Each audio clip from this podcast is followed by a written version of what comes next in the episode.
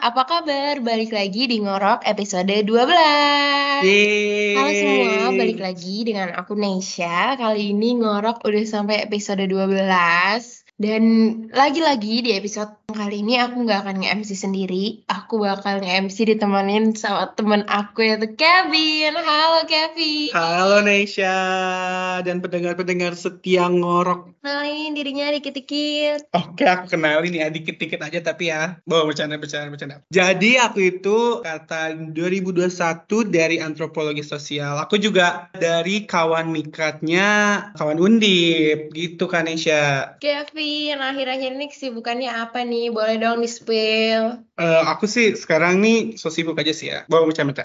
Jadi itu eh, ya paling kuliah, terus habis itu rapat organisasi, terus ngurusin mikat. Udah Oh. segitu itu aja.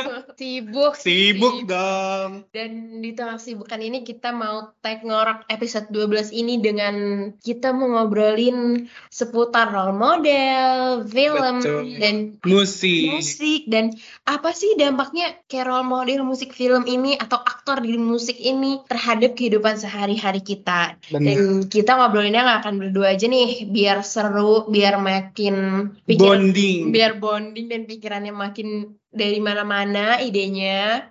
Kita bakal undang Itu guys. langsung sambut guest Iya, star asik kece nomor satu kita ini. Ada siapa aja sih nih Kanesha? Welcoming to Nigel and Riza. Halo. Boleh dong kenalin dirinya, kenalin. Ayo dari siapa lu nih? Dari Kak Najla deh. Physical Oh, physical Kalau touch. Kak Riza nih, gimana nih tentang dirinya secara singkat aja? Halo Rockmania, followers semuanya. Oh, Oke, oke. dia buat sendiri Dia ya buat ternyata sendiri. ya ngorok Untuk mania. pendengar ngorok adalah ngorok mania. Eh, kalau ngomongin zodiak, zodiak gue sama, gue juga Pisces. Hmm, Pisces bau amis. Dan love language gue itu quality control, bukan? Ah, Bercanda mulu nih ya Kak Riza. Emang dia agak. Oke. Nah, di sela-sela kuliah nih, selain kuliah kalian tuh sibuk ngapain sih? Kalau boleh tahu, coba dari Kak Riza deh. Ya kalau gue sih sibuk, ya biasa gue kan mahasiswa, Aktif ya. ya Oke. Kura-kura ya. Kuliah rapat, kuliah rapat. kepanitiaan aja kayak kayak gini. Tapi kalau Najel mungkin beda. Kalau Najel apa? mungkin sebut yang sama dulu kali ya ini kita berempat nih para ngorokers itu lagi sibuk mengurus acara di inisiasi 2002 kali ini. Jangan Wih. lupa datang ada Malin.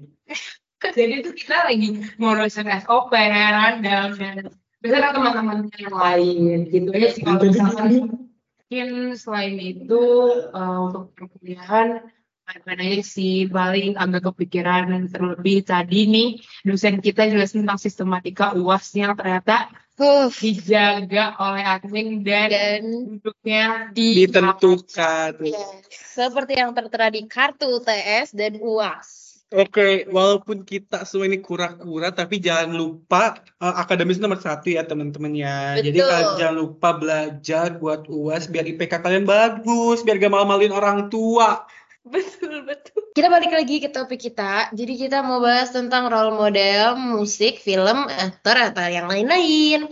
Nah, kayak aku nih, setahu aku ya, nah karena ya kita temenan ya ngorokers, aku lihat-lihat nih kayak Kak Najel tuh selalu punya inspirasi gitu. Kayak selalu semangat di tengah rapat-rapatnya ini tuh apa tuh di balik semangatnya itu?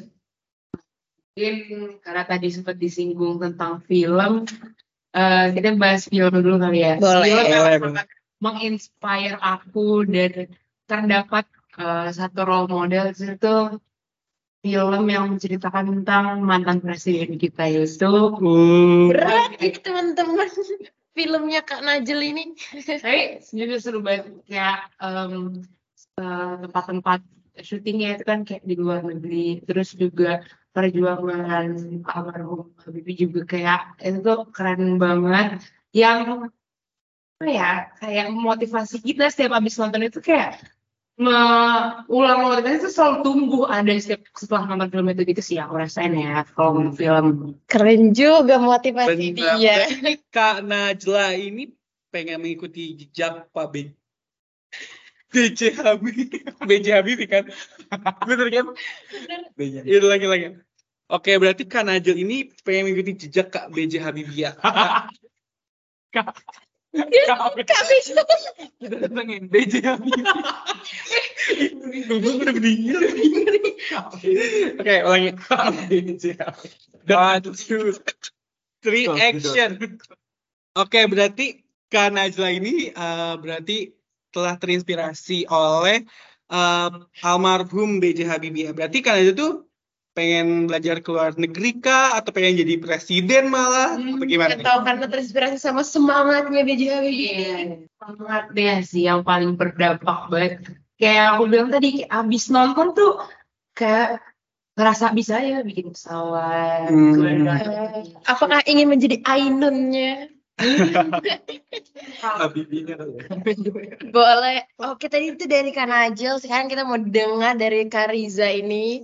Dia apa sih film yang bikin Iya, yang menginspirasi. Iya, yang Kira-kira menginspirasi. filmnya apa sih Kak Riza ini? Oh, kalau gue film yang menginspirasi apa ya?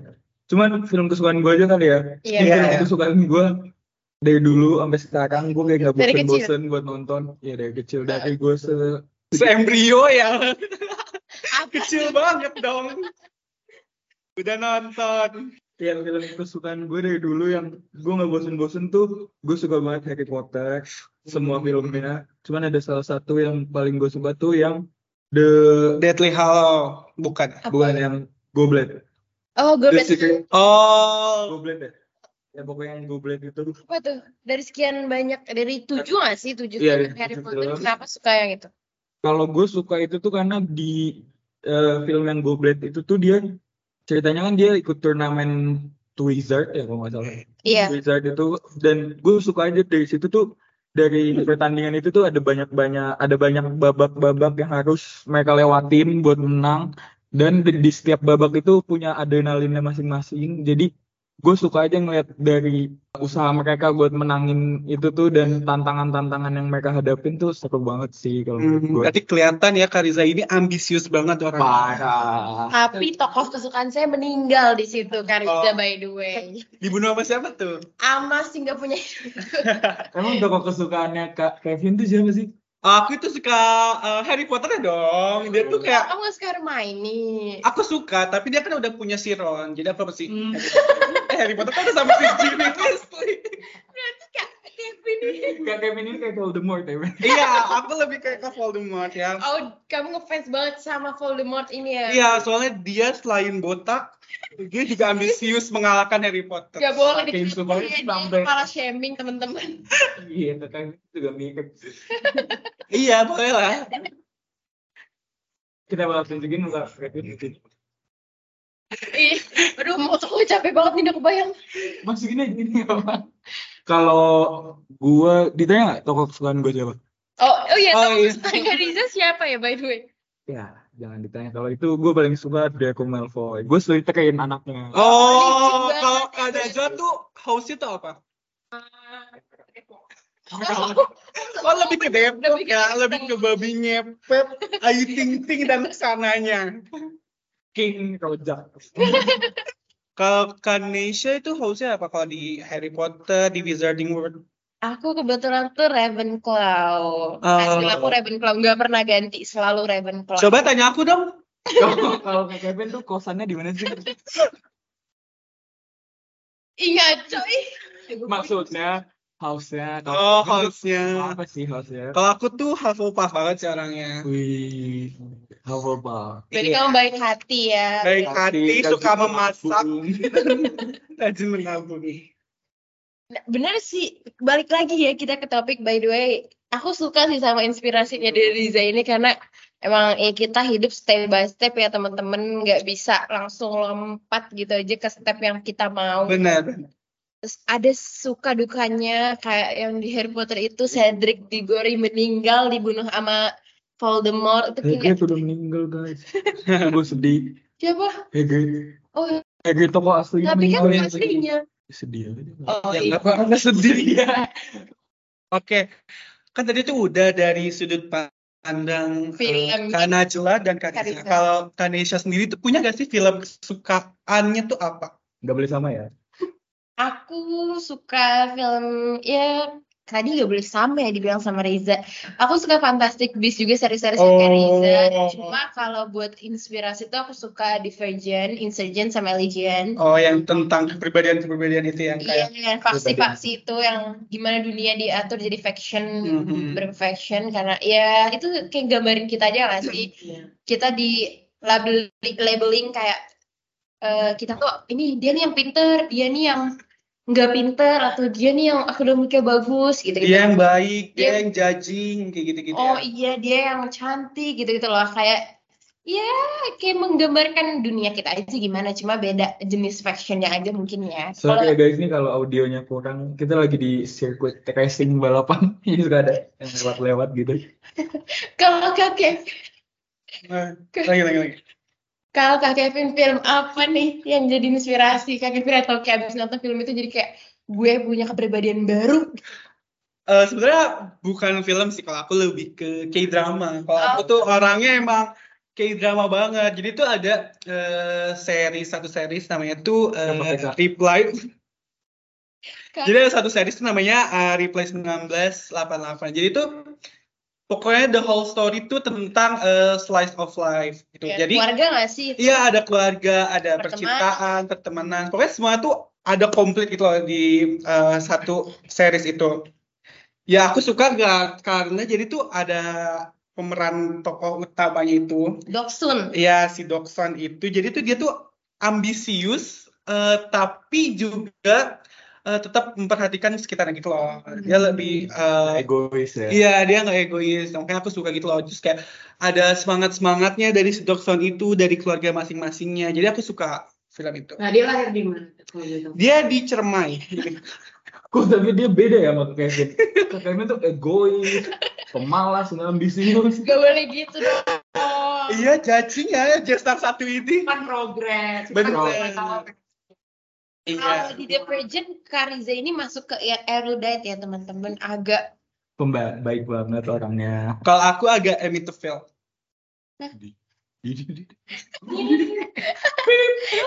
Itu agak garing ya teman-teman. oh, Oke, sekarang kita udah ketemu sama Cash dari Divergent ya. Ada C4, ada C4-nya. iya. Aku jatuh cinta sama Four. For coffee. Nothing make me fall in eh no one made me falling in love unless Newt Scamander sama Four. Hmm. Tobias Eden. Dan prasasta. Now playing. Disensor ya teman-teman. Mohon maaf. Ini agak Oke. Kevin. Tadi kan kita nih udah bahas tentang eh, musik. Selanjutnya kita bahas tentang apa sih? Iya, kan. Oh ya, aduh, aduh, Bung Kevin ini sepertinya kelihatan ya. Maaf, ini agak. kepribadian ganda. Eh, tadi dari tadi kan kita nih udah bahas tentang film. Selanjutnya Iya. kita bakal bahas apa sih nih, Kanesha? sebenarnya bebas sih. Cuma aku kayak mau tanya eh apa sih manfaatnya punya enggak tahu. Uh, Sebenarnya bebas sih kita mau bahas dari sisi atau selanjutnya kita mau lompat ke musik atau apa. Eh enggak gitu Ya, deh. ya. Sih. masih film aja nggak sih? Belum dibahas yang yang diambil dari filmnya apa? Kan udah tadi. Heeh. Tadi Oh, aku gue bingung sih, gue belum. Iya, aku Lo udah Ya, bisa. Juga Oh, iya. kan kayak banyak babak-babak. Iya. Oh ya, tadi itu dari sisi film dan daily kita kan kadang kalau lagi capek atau gimana atau kita punya perasaan yang nggak bisa disampaikan itu biasanya kita sampaikan tuh lewat musik gak sih kayak ih lagi galau nih atau ih lagi capek. Galau dikit, buka Spotify. Buka Spotify. Eh, Seneng campur. dikit. Eh, jangan inside joke lah, anjir. Galau dikit. Galau dikit, buka Spotify. Seneng dikit, buka Spotify. jatuh cinta dikit Spotify. Namanya juga Gen Gen Z Z. ya. Gen Z. Gitu. BTW ngorok juga dengerinnya kan lewat Spotify Bener, kan. jangan lupa kalian subscribe. Pakai kode promo aku ya. Tadi ada potongan 10%. Nah, kalau Tapling, tapling. Swipe up. Cek ranjang nomor 7. stop. Jadi Oke, bastrenya di atas nomor 2 teman-teman. Tap tap layar teman-teman. Capek banget ya. Itu Maksudnya Ini buat eh Mas ini kayak episode spesial behind the scene episode 12. tapi saya kita dong. Oke lanjut. Oke lanjut jadi tadi udah dari sisi film, dari sisi musik nih. Yang tadi kalau galau dikit musik, Nah, sedih dikit musik, terus jatuh cinta musik. musik. kalau lagi galau juga musik. Yang penting jangan musrik. Oh. Jangan Bener teman-teman semua.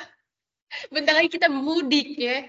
Oke, kalau dari Kanajel nih, kira-kira musik apa sih yang kayak mencakup keseluruhan gitu loh? Kayak nggak sedih doang, buat seneng doang, tapi kayak ini tuh gue banget gitu. Gantian dong. Oh, tadi gantian, aku- oh iya. Kalau dari Kak Riza gimana nih? Atau mau dari Kak Kevin dulu? Lah, jadi MC dulu. Kayak Harry Potter itu.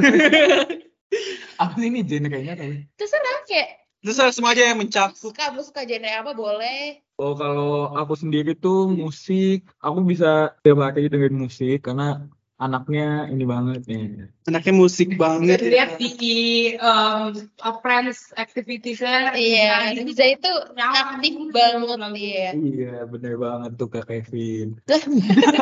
Nah kalau gue tuh musik gue suka genre-nya mix. Biasanya gue tuh suka hip hop, gue juga suka yang slowcore gitu, alternatif atau enggak pop juga gue suka dengerin. Kalau Kak Najul gimana? Genre musiknya apa? Hmm, mix juga sih sama. Mungkin di sini mau sebut satu yang zaman sekarang tuh udah punah para pendengarnya yaitu Apa tuh? One Oh, siapa nih directioner? Ayo dari sebelah tangan semuanya. Ada bocoran lah lagu One Direction sebelah mana yang Kak Najul dengar? Yang paling suka tuh yang mana sih kan tidak boleh. Boleh. Boleh, boleh. Ini, ini tolong uh, back sound-nya agak sendu dikit ya. Notulensi dah. Jadi waktu itu aku sekelompok sama Kanisa ini, matkul apa aku lupa. Terus kita tuh eh kerkel di suatu kafe. Oh. Terus habis itu Circle tuh apa sih kak? kerja kelompok, kerja kelompok sama kelompokku ada juga Kanisa dalamnya dan aku sama beberapa temen cewek lainnya. Ini kebetulan ya, kita tuh bertiga directioner yang masih hidup yang masih belum punah nih. Sefrekuensi emang ya cewek-ceweknya itu. Cek gue. Kayak kita, karena kita merasa populasi kita udah punah, kita Directioner punah ya. Terus gimana tuh? jadi play boleh Wow. midnight atau made in AM terus habis itu kita nyanyi-nyanyi di kafe itu dan ternyata ada juga pelanggan kafe lain yang ikut Sampai bikin panggung gak tuh kak di kafe? iya bener Sampai ada Nailnya langsung datang ke kafenya. Oke, ada nggak sih selain kisah yang kayak baru terjadi itu kayak apa sih backstory-nya kenapa bisa suka Wandi itu? Hmm, kayak. Jadi kayaknya karena waktu itu aku lagi beli TV deh sama keluarga aku. Oke. Itu Beli TV. Tabung gak tuh? TV TV yang eh enggak bukan beli TV beli home theater tau kan? Speaker speaker Hmm. gede gitu. Nah terus habis itu mas-masnya ngasih kita CD untuk ngetes. Nah, dan itu bekerja dengan baik nggak atau suaranya kualitasnya udah sesuai atau belum. Nah kalau nggak salah tuh waktu itu masnya ngasih album Apple Night Wandi Oh. nah Iya, masa zaman zaman itu masih masa-masa perkembangnya mereka masih bagus-bagusnya. Terus jadi aku cari lebih dalam tentang Wandi ini terus ada juga tuh video mereka lagi viral pada masa itu ya. Hmm. pas mereka lagi berjuang di X Factor di Inggris. Jadi aku ngeliat tuh kayak dari awal banget. Terus kayak apa juga nih mereka sampai daerah sekarang lagi vakum ya. Aku tetap ingat perjuangan Ya kita doakan saja untuk comeback lagi ya One Direction ini. Blackpink. Oke, dari Kariza sendiri tuh eh, sukanya tuh penyanyi siapa sih atau band siapa gitu? Coba dong boleh ceritain kak. Ceritain dikit aja. Boleh deh dikit. Gitu deh. Udah. Kalau gue tuh, eh, gue suka penyanyi yang tadi kalau gue hip hop gue suka A$AP Rocky itu number one muse gue. Hmm. Ya kalau genre slowcore tuh gue suka dengerin Cigarettes After Sex, Sex Orange gitu-gitu. Nah, gue tuh suka sedikit cerita, gue tuh tahu Cigarettes After Sex tuh zaman-zaman SMA kali ya. SMA kelas 1 itu tahun berapa tuh, Kak? 2018, 2019an lah ya. 2017 itu gue awalnya tuh gue tahu dari temen gue temen gue bener-bener eh, repeat ini mulu repeat order repeat apa sih? On repeat. Oh iya, iya. Terus gue yang awalnya gue nggak tahu, gue lama-lama dengerin terus kok gue suka kayaknya nih sama lagu-lagu mereka. Akhirnya gue jadi dengerin terus dan waktu itu mereka sempet datang ke Indonesia, dia ada di WTF 2019 ya. 2019 cuman gue nggak nonton karena waktu itu gue lagi di rumah aja sih Gak kebagian tiket mungkin Iya, ya. lagi saya temen-temen. Tadi Kak Riza mention Cigarette After Sex. By the way, lagu-lagu kayak Cigarette After Sex, terus eh, 1975 tuh kayak lagi in lagi ya. mulai, mulai Lagi- blow up lagi, terutama di Reels, di TikTok, terus buat konten-konten lagu kesukaan Kak Riza tuh yang mana sih dari Cigarette After Sex ini? Kalau gue sendiri tuh sekarang lagi suka banget nih lagu Cek Back Back. Itu lagunya siapa? Itu di album yang mana ya kalau boleh tahu? Oh salah ya. Ini salah agak salah server teman-teman. Ih, So itu dia juga suka lagu runtah ya teman-teman. iya. Eh, back on eh, back on topic Iya, ya. back on topic. Iya, jadi gue kalau Cigarettes After Sex tuh yang on repeat, gue suka banget Sesame Shaker. Terus gue suka Double Take Groove. Lagu ini. Ada backstory-nya nggak tuh di balik lagu itu? Gak ada nih kan. masa lalu. Oke kalau nggak ada kita bakal kari bakal nyanyiin lagu Mahal Cigarette After Sex. sisa rasa. Bukan dong, bukan Mali ini dong. Oke, kayak seberapa penting sih musik tuh dalam eh, hidup kalian? Iya. Pandangan kalian tuh kayak gimana? Sepenting apa musik di kesayangan kalian? Boleh dari Kak Riza dulu. Kalau gue sih ngelihat musik tuh kayak ya musik, ya mau gimana lagi, mau diapain? Gestar gitu. Iya, iya, bantu jawab. Nah, kan aja dulu deh. kayak lirik yang terkandung dalam lagu tersebut Hmm. tuh kayak kadang-kadang ngebangun kayak misal hari itu kita habis kita dengerin lagu runtah. Itu nonton lagu Itu agak relate ya emang ya. terus habis itu kayak misal kita sedih hari itu kita langsung cari kalau aku ya aku kadang-kadang play uh, playlist Spotify Rain Noel play hujan gitu jadi aku terus kalau hari itu gimana? Ya kalau gua tuh lebih ngeliat musik tuh kayak ngegambarin perasaan gua aja sih di saat itu kayak misalnya gue lagi senang gue mau dengerin apa gitu. Kan gue biasanya yang sering gue dengerin itu sesuai sama mood gue di hari itu di saat itu gitu. Kayak misalnya gue lagi pengen yang senang-senang gue biasa dengerin yang Asap Rocky atau mungkin gue lagi berbunga-bunga gitu gue biasa dengerin Rex Orange?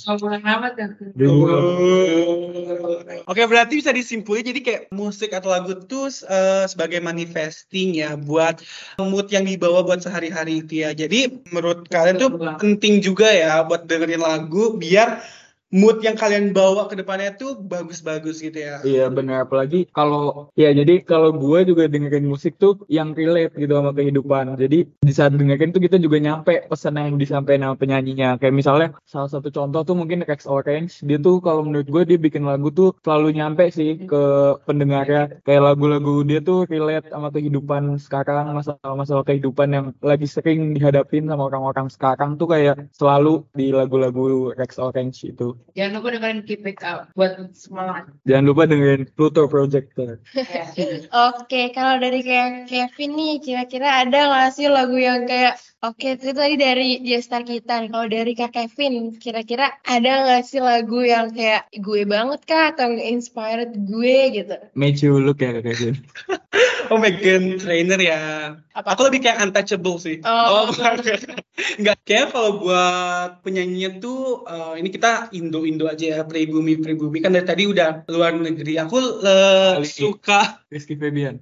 enggak aku lebih suka Tulus. Wih, Oh, juga iya. suka, gue juga. Suka Iya. lagu diri. Aku juga aku suka lagu semuanya. Jadi eh, di album yang baru dia itu Mm. eh, album manusia itu aku aku suka Eh, terutama tuh di ingkar diri sama di crop circle bukan bercanda Diduduk kan lagi duduk. Di di eh, hari-hari di jalan ingkar di diri tembalang juga.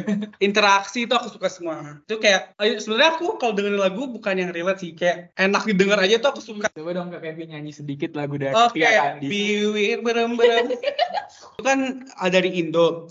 Nah, aku juga suka eh, Ada. bukan, aku suka K-pop juga. Aku Wow. termasuk yang dengerin juga. Apa JKT. tuh biasnya siapa tuh? Eh, belum dong. Grupnya tuh aku Oh, suka. Aku suka eh, sekarang tuh lagi suka eh, girl grupnya Blackpink. Blackpink. Nih. Jangan lupa nanti nonton konser yang punya uang Maret di Semarang. di Semarang Tembalang. Ada di tulisan itu kata ya aku tuh suka Jisoo. Aku suka Jisoo. Sebenarnya dia menginspire sih. Jadi kayak sebelum debut tuh dia tuh kayak di underestimate gitu sama teman-teman sekelasnya. Dibilang mukanya. Ini benar ya teman-teman. Jadi mukanya tuh dibilang kayak eh, monyet gitu. Padahal padahal setelah debut tuh eh, dia tuh jadi yang eh, visualnya di grupnya. Wow. itu kalau Kanesha sendiri kalau sholat lima waktu gak? Nggak, balik ke Blackpink, Kak Kevin udah punya belum nih nomor telepon Jisoo? Boleh dicatat teman-teman 0838. Dan disebar ya teman-teman. Ini ini keep on secret aja ya.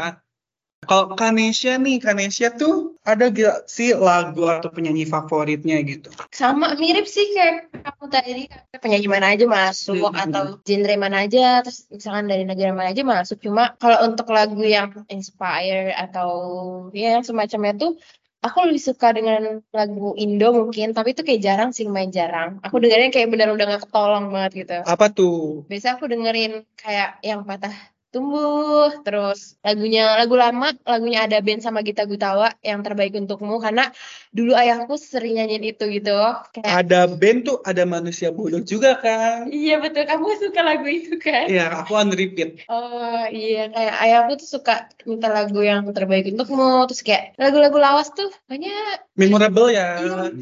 kayak child- childhood train memory banget buat aku Jadi lebih ke memorinya yang diingat dari Kanesha ini ya. Now song Memories by Megan Five.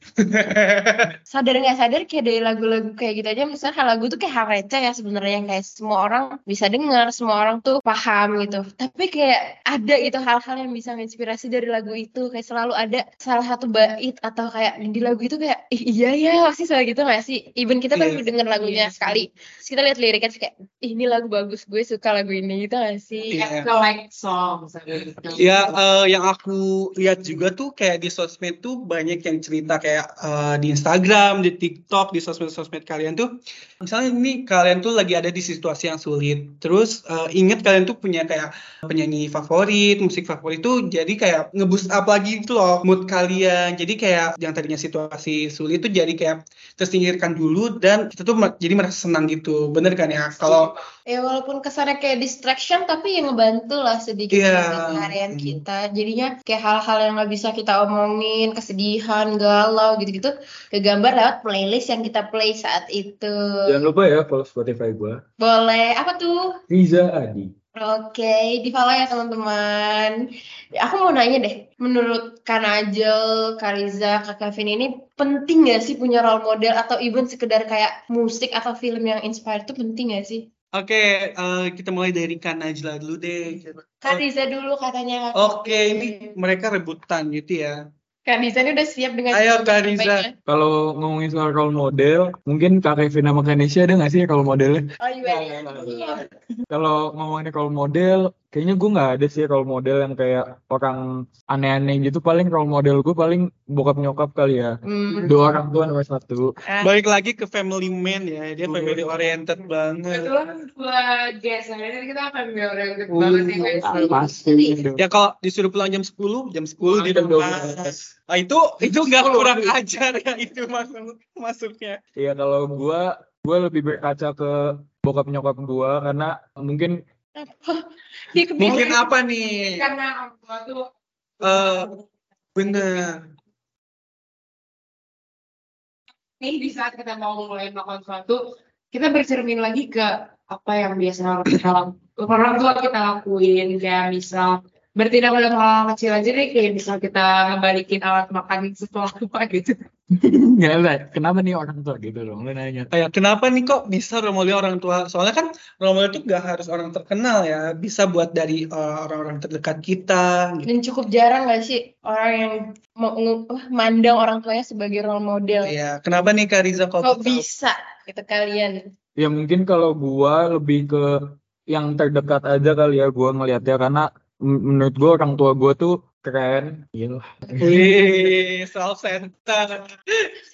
Nggak karena eh, gue ngeliatnya tuh ya terutama bokap gue bokap gue tuh gue lebih ngeliat dia bisa nge-manage buat dirinya sendiri tapi selain itu dia juga harus ngehidupin keluarganya itu ada gue ada kakak gue adik gue ada nyokap gue jadi gue tuh ngeliat banget usaha dia dari awal sampai dia bisa mungkin sampai sekarang dia bisa nguliahin gue kakak gue dan nyokolain adik gue tuh Udah keren banget. Ini nih. Mungkin dapat disimpulkan hard work-nya kali ya. Jadi kayak mungkin pas kita masih dulu nih sebelum merantau ke sini, kayak kita buka mata, oh ya, aku tuh ngeliat aku kerja, itu baik lagi ke hard work tadi. Jadi sekarang motivasi kalau misalkan aku capek atau ya udah mau ngeluh dikit kayak aku bayang aja skenario di saat aku ngeliat kerja atau baru pulang capek kayak kayak aku bertahan aku kayak secapek. Iya, terus juga kalau gue tuh lebih ngelihatnya kayak mungkin gue bukan eh, dari orang yang sangat berkecukupan gitu, cuman Oh, dari figur kedua sih. orang tua gue ini gue bisa merasa cukup versi gue gitu. buat Jadi capek mereka gue mungkin gue sering ngelihat orang lain yang lebih yang lebih dari gue, cuman dengan adanya figur kedua orang tua gue ini gue pasti bisa ngerasa kalau gue tuh udah cukup gitu dan kalau mungkin selama gue di rumah yang setiap hari gue ketemu orang tua gue itu sering kayak ngerasa kayak ah bawel atau apa gitu. Cuman kalau udah ngerantau kayak gini baru sih kerasa eh, kehilangannya. Kayak ngerasa kangen rumah, kangen sosok orang tua yang selalu ada di pagi sama malam gitu. all time ya Iya. Jadi ngekos tuh sebe- seberpengaruh itu ya buat eh, kedekatan kita sama keluarga Iya, gitu ya. Yang tadinya mungkin eh, di rumahnya kalian tuh kurang dekat sama orang tua, pas ngekos eh, lama-kelamaan kok kangen gitu ya. Benar, benar. Setuju, setuju. Tapi despite dari kayak role orang tua kita sebagai role model, penting gak sih sampingannya kayak misalnya punya role model tokoh ini kah, tokoh ini kah, atau ya musik atau film sebagai Apa lanjut. Lanjut. Itu sih bagus tadi. Iya lagi dari apa? gue gue Eh jangan berisik lah. Ya, Itu jam sedang mandi ranci. karena itu kan di depan antropologi. Suruh masuk dulu. Ah. Suruh masuk dulu. Iya. Nah, yang tadi aja tadi kamu ini. Oh, Tapi dari ulang lagi katanya. Ya gak apa-apa. Nggak maksudnya pertanyaannya nggak ulang lagi tuh. ulang aja. Iya ulang Oke. Tadi dibahas kalau role model gestar kita nih orang tua mereka sendiri. Cukup keren sih karena kayak sekarang tuh jarang banget orang-orang yang nunjuk orang tua mereka, terutama seorang ayah tuh sebagai role model mereka. Nah, selain orang tua nih gitu, penting gak sih adanya sampingan gitu role model entah tokoh kah atau kayak aktor kah, aktris kah atau gitu-gitu. Menurut Kak Najil gimana Kak? Oh, penting sih. Karena karena itu juga bakal berguna sebagai acuan ketika kita sedang menjalani hidup yang sebenarnya ups and downs jadi kayak kalau misalnya kita lagi downs kita harus ingat siapa yang harus kita jadikan panutan kayak apa kita harus kayak gimana sih dalam menghadapi situasi ini itu sih Siapa nih kira-kira role modelnya kalau boleh tahu? Boleh artis, boleh tokoh Atau terkenal. kayak Boleh eh, film, kayak fiction. Iya, penyanyi. Iya. Mungkin eh, tokoh buku favoritnya Kak Najel gitu. Aku bukan tipikal orang yang nonton YouTube banget ya tapi setiap aku buka home YouTube terus ada mau dia Ayunda sama upload video apa sih ngikut gitu sih karena setiap konten-konten dia itu sangat insightful dan inspiring karena ya as we know dia sudah ya nggak usah Iya, disebutkan lagi lah ya kayak ya. Iya dalam videonya itu pembawaannya juga sangat seru. Terus dia tadi aku bilang insightful tuh bukan cuma dalam artian pandemik kayak cara dia menjalani hidup, terus juga cara menghormati orang tua dan bersosialisasi sama teman-temannya itu keren banget sih. Jadi aku menerapkan beberapa yang ada di konten-konten YouTube ya terus. Cara dia naruh prioritas juga keren ya. Iya, keren Gimana akademiknya, percintaan, keluarga. Apalagi dia kalau ujian malah seneng ya. Dia dan Mbak Najwa. Kalau Kak Najwa Kak. gitu juga Kak, kalau ujian malah seneng. Mungkin Iya, nanti iya, ya, iya. ya. Oke, mungkin dari Kanada tuh mau di Ayunda ya. Mungkin dari Kariza tuh siapa sih kalau boleh tahu? Tadi kan kalau kan Najla mungkin mau di Ayunda ya kalau lihat YouTube. Kalau gua sendiri lihat YouTube ngeliat Tan Boy Kun. oh itu terinspirasi ya. Jadi kayak nafsu makan meningkat. Tapi tetap olahraga. Bener. Badannya tetap kejaga. Tapi bukan Bener. itu role model gue. Oh tadi selingan aja ya. Saingan aja. Siapa tuh role model sebenar-benarnya? Kalau role model sebenarnya gue bingung sih jawabnya karena gue nggak yang bukan yang ngelihat satu tokoh sebagai role model gue.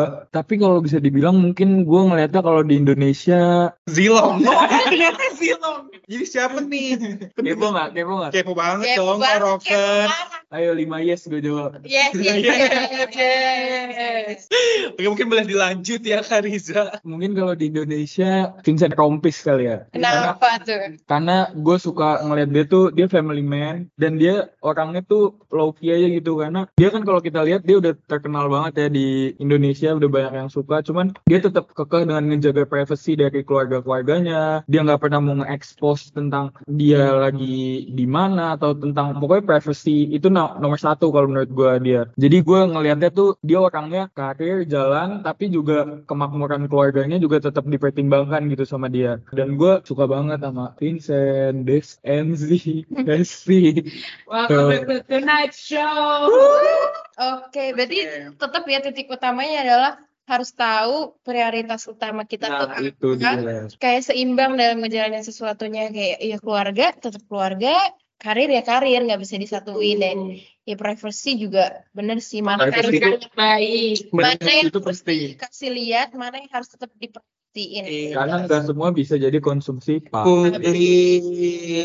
Betul juga. kita bakal nunjukin privacy kakak Oke, eh, ini kan juga kita judul bukan judul ya, eh, nama podcast kita pun kita pun eh, tanggo ikun kali Oke, jadi kan eh, nama podcast kita kan eh, seperti yang kalian tahu itu Jurit ya, malam. Ngob itu beda dong. Apa kita buat ya sesi jurit malam? Boleh misi Oh. now you see me kali Oke, jadi eh, namanya itu kan ngorok ngobrol karo antropologi. Eh, gak afdol dong kalau kita tuh nggak lihat dari sisi Antropologi. antropologi. Jadi menurut Kak Najla dan Kak Kak Riza tuh eh, tentang role model, musik, eh, film tuh menurut pandangan antropologi tuh kayak gimana sih Kak? Gitu. Boleh dari Kak Najla dulu? Oke, mungkin aku orang-orang suka eh, bertanya ya ke dosen kita tentang fenomena yang sedang viral di sosial media dan kadang-kadang dijelasin juga kalau nanti tuh di semester berapa ya, kita bakal dapat tentang kuliah antropologi media. Iya, benar-benar. Waktu aku pernah nanya tentang pengaruh eh, aktivitas serta kesadaran tentang kesehatan mental diri yang bersumber dari negara barat gitu ya. Hingga pada akhirnya booming di Indonesia kan bakal bakalan ini kayak awareness tentang Iya. mental health. Jadi ternyata tuh udah booming duluan di negara-negara yang udah maju. Iya. Dan itu di sini ya media sangat berperan sih kayak kita bisa lihat dari Reels, TikTok dan postingan-postingan di Instagram yang juga menyuarakan tentang pentingnya isu kesehatan mental dan juga isu-isu lainnya banyak sebenarnya kayak climate change dan apalagi sih pokoknya yang lagi trending dan disuarakan sama orang-orang di media. Jadi ya menurut aku itu sih kayak memberikan domino effect kali Iya, seringnya juga mereka promosiin kayak climate change gitu-gitu lah film gak sih? Film atau kayak yang ini music yang Earth itu Oh iya iya, kan iya. jadi media sebagai media buat buat ya penyampaian isu kayak penyampaian berita tuh nggak cuma lewat TV lagi sekarang nggak sekedar lewat liputan 6 gitu, lewat musik, lewat film atau lewat drama tuh bisa disampai diselip-selipin isu-isu yang lagi happening ya. dan jadi terbangun kesadaran di masyarakat kita ini. Dan Iya. mungkin nanti kita akan pelajari lebih lanjut di antropologi media. Ya. Itu tadi sekilas sisi antropologi yang dipendapatin sama Kak Najel ini. Tentang musik, Musik, film, atau media penyampaian. iya. Nggak kerasa nih kita udah di penghujung ngorok ini dan untuk closingannya mungkin ya ada nggak nih kesan, pesan atau ya semacamnya dari Kak Riza dan Kak Najel untuk para ngorokers di mana pun mereka berada. ya pasti seru banget diundang ke sini tuh such an honor Tentang topiknya gimana? Tentang topiknya dong. Ini Oh. kakaknya emang agak lucu ya. Ya, eh, mungkin kalau dari gua, dari topik ini tuh banyak banget mungkin yang bisa diambil. Kayak kita tuh jadi dengan, mungkin ini nyebutnya media kali ya. Iya. Ada musik, film gitu, role model. Terus kita bisa dapat banyak hal, insight-insight yang belum pernah kita dapat mungkin sebelumnya dengan ada musik nih ya. Misalnya musiknya dari luar negeri yang berbahasa Inggris gitu kan kalian jadi rasa ingin tahu untuk menggali dari sebenarnya nih penyanyi itu menyampaikan apa sih di musiknya? Itu tuh juga udah ngebuat kita rasa ingin tahu kita tuh jadi lebih meningkat gitu. Kita jadi nyari tahu tentang isi lagunya tentang apa apa yang mau dia sampaikan terus sebenarnya kalian tuh relate nggak sih sama musiknya? Dan juga terus juga mungkin kalau dari film itu kan banyak sekarang film-film yang diangkat dari kisah nyata atau mungkin dari buku yang emang bersejarah gitu kan. Jadi buat orang-orang yang kalau misalnya cuma baca buku atau cuman denger atau lihat dari website nggak terlalu nyampe gitu pesannya jadi dengan adanya film tuh jadi tersampaikan gitu apa yang harusnya dapat dikonsumsi oleh publik dan juga dengan melihat visualnya tuh kita jadi lebih rasa empati dan juga rasa mengertinya mungkin lebih nyampe kali ya dari adanya film kalau gue sih kayak gitu sih ngelihatnya mungkin kalau dari Kak Salwa? Ish. Mungkin dari Kak Najla nih tanggapannya gimana? Mungkin tadi kalau misalkan media udah dari netizen kita aku bisa move ke sebuah dari pembahasan kita yang lainnya itu role model. Jadi mungkin masing-masing dari kita nih baik host, guest dan para ngoropers di sini semuanya punya role model. Eh, nggak apa-apa eh, kita harus tetap jadikan mereka acuan kita dalam bertindak dan beraktivitas itu boleh banget kita juga harus menjadikan mereka inspirasi agar tetap terus semangat dan kita tuh sebenarnya juga bisa menjadi trendsetter membawa uh, kebaikan dan positif vibes kepada teman-teman kita atau lingkungan sekitar semangat terus semuanya gitu ini sih. Oke. Thank you Kak Najib. Ngomong-ngomong tentang media juga kan itu eh, berpengaruh pada kemajuan teknologi ya. Mungkin buat kalian tuh harus memilah-milah gitu loh. Apa yang kalian dengerin nanti, eh, apa yang kalian Iya. tonton, iya apa yang kalian lihat, eh, siapa yang bakal jadi role model kalian tuh mungkin kalian tuh harus eh, pilah-pilah juga dengan baik ya, biar gak ber- terpengaruh eh, kerusakan media sosial. Iya, benar kata Kak Kevin tadi dan jangan sampai role model yang kalian pilih ini eh, malah bikin kalian nge-push diri kalian sendiri ke batas yang seharusnya kalian gak lewat. Lagi lagi.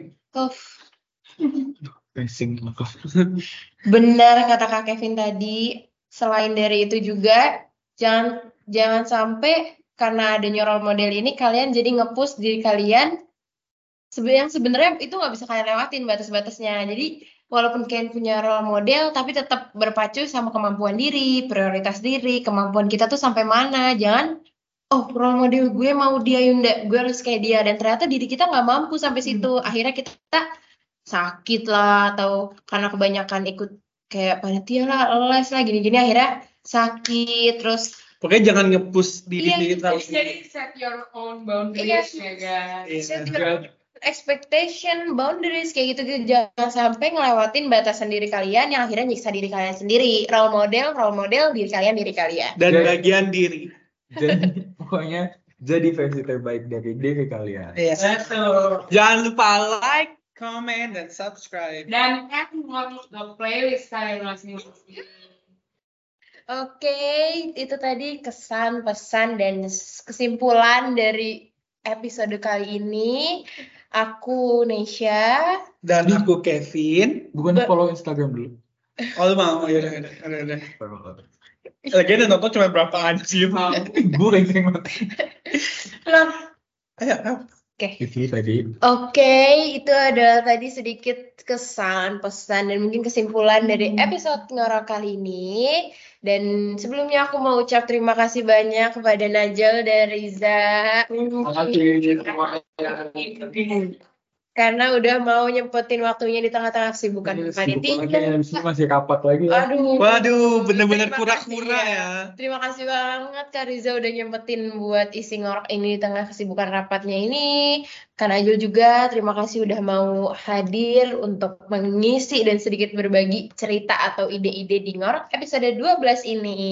Aku Nesya. Dan aku Kevin. Sampai jumpa di Ngor episode selanjutnya. Terima kasih dan sampai jumpa.